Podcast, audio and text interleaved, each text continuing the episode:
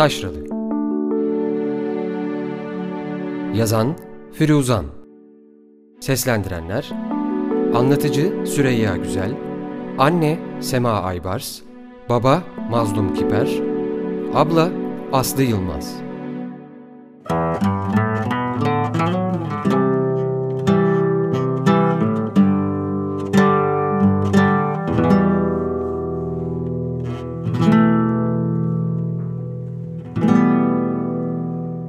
Sokağın ucundan dön demiştiler. Aynı boyda boyanmış akasya ağaçlarının bitiminde yeşil panjurları olan evdir. Otobüsten indiğimde sıcak geçen bir günün akşamüstüsüydü. Üstelik pazardı.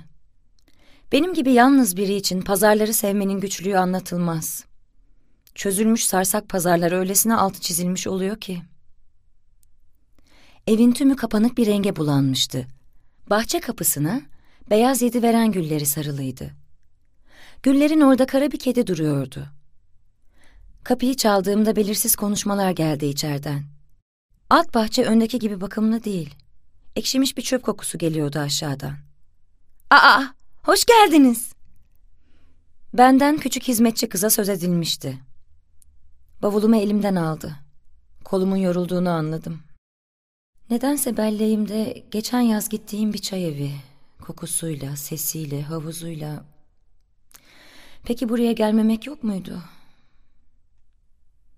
Ara kapıyı açınca teyzemi gördüm. Bana anlattıklarına benziyordu. Saygın bir hanımefendiydi. Okumuş yazmış kadındır. Evinin titizliği, temizliği dillere destandır. Eli sıkıdır ama eh o da bir çeşit meziyet. Koskoca paşayı kaybetti. Hanımefendice içine attı acısını. Ağladı, sızladı ama evini, düzenini korudu. Allah'tan korkarım nemize lazım. Yalan diyemeyiz. Üstelik gençliğinde de sayılı güzellerdendi. Büyük cam vazonun tam arkasında oturuyordu. Vazoda kurumuş, kabuklaşmış leylaklar vardı. O da sanki loş bir avluydu. Sokağın toz kokan güneşi hiç yokçasına yetip gitmişti. Teyzem, gri giysisinin içinde bana gülümsedi. Elini uzattı. Tuttum. Nemi kalmamış kuru kağıt cildine dokununca yaşlılığını anladım. Eski yetmiş güzelliğini saçlarını boyamakla, bejlerin grilerin en yumuşaklarını giymekle sürdürme çabasındaydı. Ablamın yaşını bilmem. Aramızda on yıllık fark var sanırım. O da bir türlü doğrusunu söylemez. Ya çok büyük ya çok küçüktür söyledikleri. Ne bileyim akızım. Ben kahır içinde yaşadım. Şimdi kim bilir görseler beni onun ablası sanırlar. Kolay mı? Annen nasıl? İyiler. Ablan ya. Onlar da iyiler. İçeriye küçük kız girdi. Eğri bacakları vardı. Yüzünde kapıyı açtığında olan gülüş duruyordu. Konuşunca hiç değişmiyordu gülüşü. Çok şaşırtıcıydı bu. Yurda gül, dedi teyzem. Git limonata hazırla. Bak gene mutfak kapısını açık bırakma. O murdar kediler taşlara basıyorlar ona göre. Ona göre sözü yurda gülün yüzünden gülümsemeyi aldı götürdü. Teyzemin ayak parmaklarının kemikleri podüsüyet ayakkabılarının yanlarından taşmıştı. Elbisesinin yakasına ince kırmızı yakutlu, kırmızı olduğundan taş yakut olacağını düşünmüştüm bir iğne takmıştı. Kibar kadındır ablam. Giyimini kuşamını bilir. Paşa ile ilk evlendiklerinde mineli bir saat almıştı yüz görümlüğü. Daha bir sürü şeyler takmışlardı da benim gözüm mineli saatte kalmıştı. O canım çiçekleri nasıl da kondurmuşlardı saatin üstüne. Şaş da kal. Dayanamadım da bir kerelik takmak istemiştim. Sen savruksundur, şurada burada düşürürsün demişti. Boyundan saat düşer mi? Ne taksa sahicidir. Benim gibi de öyle allı güllü şeyleri sevmez. Tam paşa karısı olacak kadındır teyzen. Bunu böyle bil. Konuşmadan durduk bir süre. Koltukların yeşil kadife dayanacak yerlerine kolalı temiz örtüler konmuştu. Teyzeme hiç bakmıyordum. Onunla aramızda sevgisizlik hemen kurulu vermişti. Azalmış saçlarının altından kafasının derisi yer yer parlıyordu. Kurumuş bacaklarını üst üste atmıştı. Ayakkabılarından taşan kemikler ışıkta daha kesin gözüküyordu. Demek ki üniversiteye gitmeye kararlısın.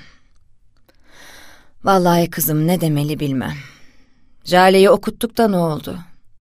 Evlenip gene çocuktu, kocaydı, aldığı diplomada süs. Üstelik bizim durumumuz uygundu. Rahmetlinin düşünceli kalbi, babalığı sayesinde. Burada derin derin iç çekti, temiz bir mendili burnuna bastırdı. Jalecim annen bilir soğuk sudan sıcak suya elini değdirmeden büyüdü. Hizmetçiler çevresinde dolanırdı. Ama şimdi o nazlatma, o prensesler gibi genç kızlıktan sonra... Gözlerini yüzüme dikti, sustu. Teyzemin bana karşı olan tutumunun bilincine vardım. Birden yoruldum. Annene şaşarım hala. O çabayı başka bir erkek için gösterseydi... Sen babanı bilmezsin kızım. Altı yaşındaydın öldüğünde.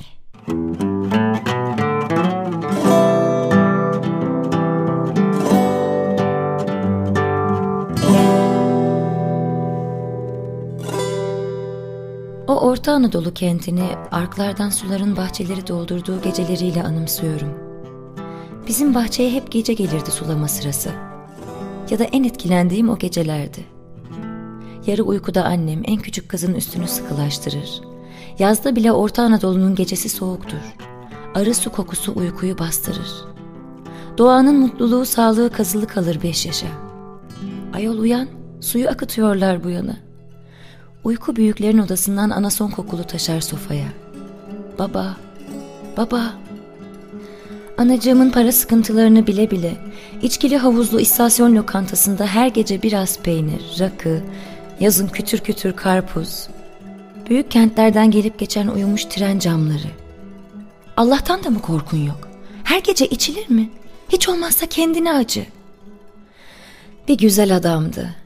O boy, o poz. Yakışıklı adamdı baban yavrum.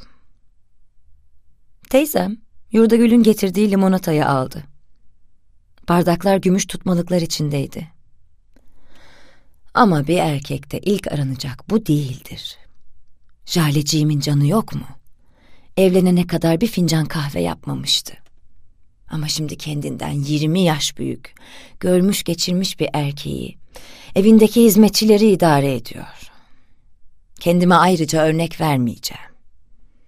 Annen hata etti kızım. Size de çektiriyor. Sen şimdi üniversiteyi nasıl güçlüklerle... Odada asılı tek resmi gördüm. Her yanından kahverengiler, turuncular taşan bir sonbahar resmiydi. Yolun ucunda çok geniş şapkalı bir kadın kayboluyordu. Teyzem, dişlerinin takma olduğunu belli etmemek için o pek tuhaf gülümsemesiyle bana bakıyordu. Limonata güzel olmuş dedim. Şekeri fazla olmuş. Siz gençsiniz ama bizden geçti artık. Tansiyondu, kalpti başladı. Annenin tansiyonu nasıl? Çok genç dul kalmışsınız. Evlenin dedi doktor. Bu terleme, bu çarpıntı ondanmış benim kızlarım. Hay dedim doktora. Benim iki kızım var. iki kocam var demektir. Ablam atılıyor. Anacım doğru demiş adam. Niye direniyorsun? Annemin yeşil ela gözleri susuyor. Evlenmek için evlenilmez. Sizin babanız gibi adamdan sonra Gündüzleri oralar salt toprak rengi olurdu. Pazara gelen köylüler eşeklerinin sık adımlarına uygun salınarak pencerenin önünden geçerlerdi. Perdelerimiz apak patiskadandı. Ordu evinde düğüne giderken annemin siyah tayyörleriyleki güzelliği o kente anlatılmaya kalmıştı. bayramda hiç olmazsa dedelerine yazsak be kocacığım. Bırak şunları. Senin o evde kalmış ablanı sevindirmek için mi? Her şeyin para olduğunu kim söylemiş benim kızlarım? Çok kahır çektim. Ama eteğini çemirleyip komşu karşılayan bir kadınım ben. Babanız beni sevindirdi de üzdüğü kadar. Ben basit, gülmeyi seven bir kadınım. Teyzenizi evinde bile terlikle gören olmamıştır. Sana ara odayı hazırlattım. Gümüş takımların konduğu büfenin üstünde paşanın sivil fotoğrafı var. Oysa çocukluğumuzun paşası bu değildi. Alabildiğine büyüyen, çizilmeyen paşaydı. Kaç saat oldu geleli? Ara odanın özenle ovulup arıtıldığını düşünüyorum. Bu yaşlı kadının çevresindeki saygın kişiliğini yaratma zorunluluğuna titizliği eklemek gerekiyor. Yiyecekler iyice temiz olmalı. O mahrulları yalap şap yıkamayın diyorum size.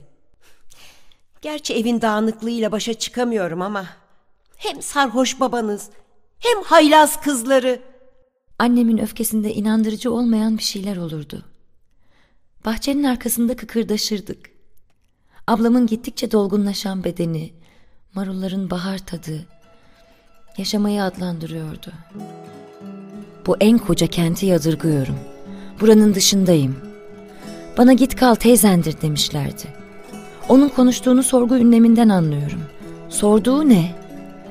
Bana bakıyor. Gittikçe öfkeli ve yaşlı sanki. Yineliyor. Saçlarını kesmeyeceksin değil mi? Hı hı diyorum. Oysa keseceğim. Hem de en kısa.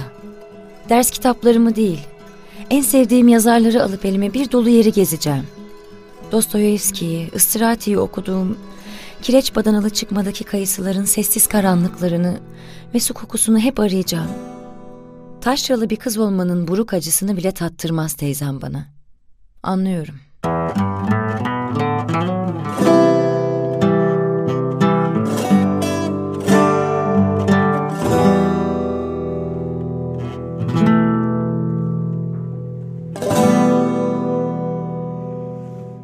Yurdagül odayı açtı.